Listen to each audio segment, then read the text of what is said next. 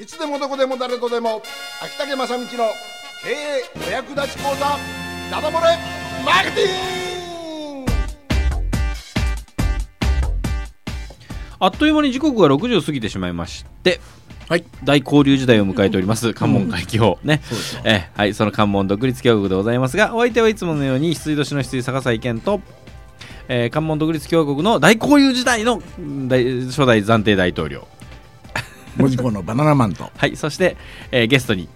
大迫忍です。はいということでございまして、はい。さあ大統領の語ります、ん。このね、えーダダ漏れマーケティングのお時間でございますがさあ第今は5回になりましそたね。うシーズン3とはい、いうことで、えーシーズン3の、えーっと今回はですねあれですよあのずっと続けておりますのはオタクパワーでゆるゆるまちづくりというテーマで言っておりまして、えー今日5回目ですが、まあ、この時間帯はですね私も、えー肩書きをですねえオタクパワー研究所という オタクパワー研究所所長というふうなええ形で今やっておりますが、はい。今日はいよいよ実践編に入っていきたいと思います。でじゃあオタクたちのパワーは分かったと。特に昭和の、えー色濃き、えー匂いのするオタクたちまあ、えーてっちゃんであったりですね、うん。えー鉄道ファンであったり写真ファンであったりそれからアニメファンも昔のアニメファンであったり、うん。まあ最近でもあのアイドルファンもですね。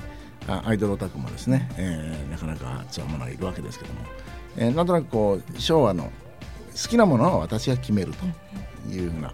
また好きなものをとやかく言われてもめげない、うん。えーそこに向かって 突き進む力はいもう非常に並外れたものがあり自分の生活費を削ってでも好きなことにはお金を投資するというようなですね、うん。このような人たちをいかに集めするのかっていうところでございましてその実践編に入ってみたいと思います。まあ集める集めますね。人を集めまして、えーそれから、えーそれ人を集めて、えーそして、えー動いてもらうというところまで行くわけですけども、えー今日はもう集める。その第一歩。どうしよう。で今流行りのやっぱり SNS、えーソーシャルネットワークシステム、えーミクシーであったり、うん。えーそれから、えー、フェイスブックあるいはツイッター、うん。あるいは、モバゲー、え違ったモバゲーモバゲーグリーグリ。ーグリ。ーグリ。ーまあまあどっちもありますよね、この辺りをですね、えーしっかりと使うっていうのがね、うん。ミソでございましてもうこれによってですねあの人の集まり方が全く変わってきましたね、うん。えーこれが、えー、大体まちづくり系では6年ぐらい前かぐらい前から、えーこの動きが一気に加速したっていうのが、まあ、門司港をある意味先進地と言っていいとそうですね思いますがええそう思いえーますね。全国的にも先進地と言っていいと思うんですけども、うん。この SNS を使った、えー人ボランティア、あるいは、えーそういう実践部隊うん。のメンバーを集めるのが一気に加速していったと思います。でまず集め方なんですね。集め方なんですけどミクシーとかミクシーだったらコミュニティそうそうコミュニティ、うん。それからフェイスブックだったらえグループを作ります、そうですね。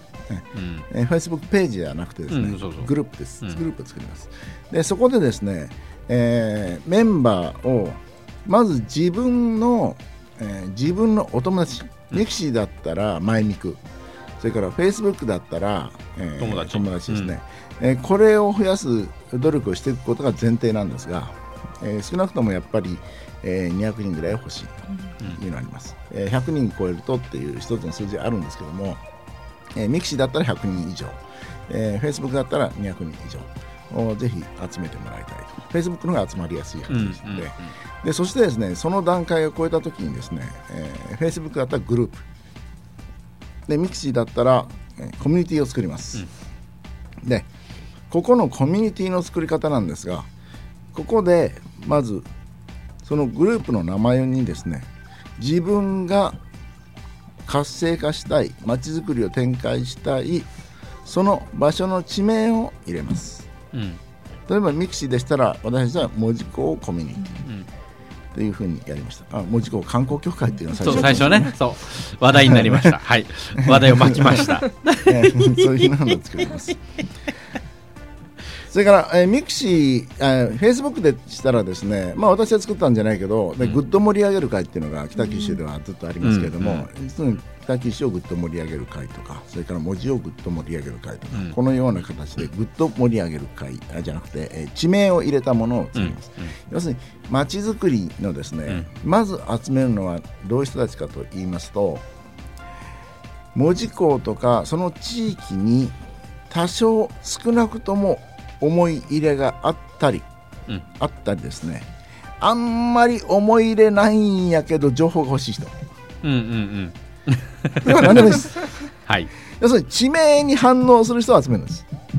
地名に反応する人、その土地の名前、ね、そんそこにですね、えー集めていくという。それがまず大あの要するにそういうグループとかコミュニティを作りましょうねっていうのが第一段階ですで、えー、Facebook の場合でしたらどんどんどんどん人をもう自分から集めていけますから、あの登録していけますんで、まあ、あんまり無理やりやるといけないんですけどでミクシーの場合でしたら、えーコミュニティに登録してもらわなきゃいけないです、でミクシーの場合でしたらまず自分の友達にこれ重要です。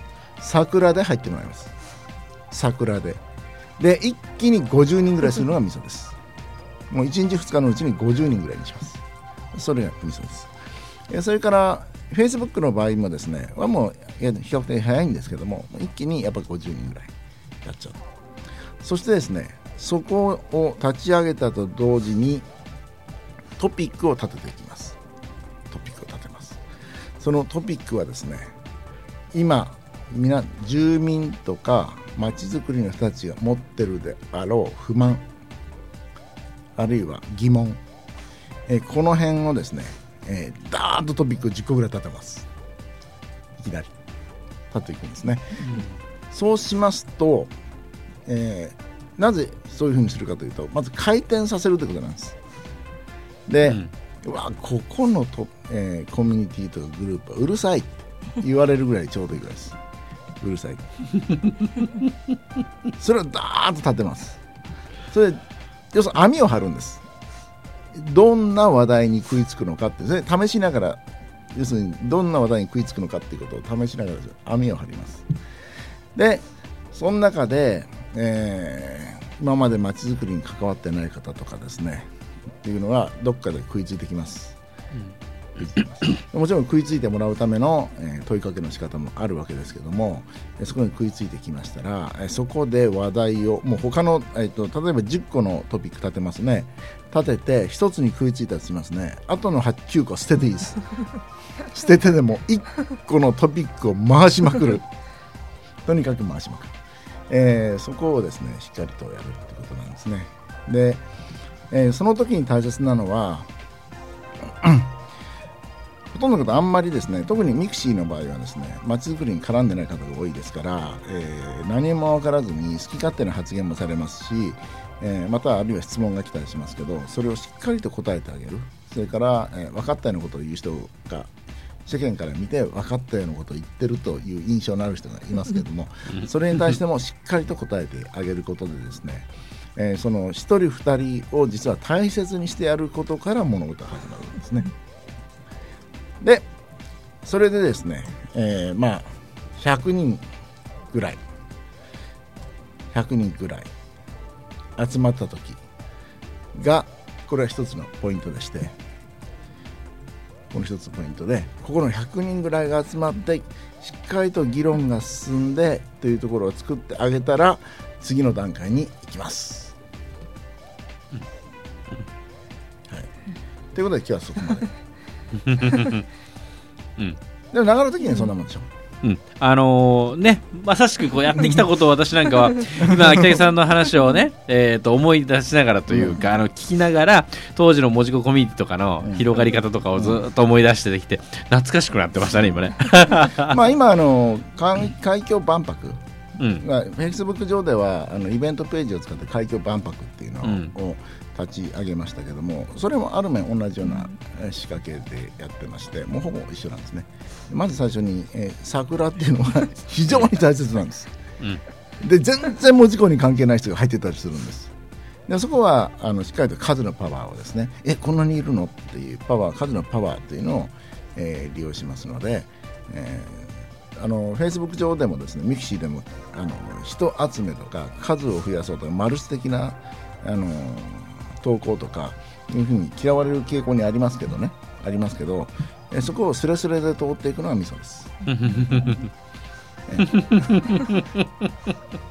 ね そう。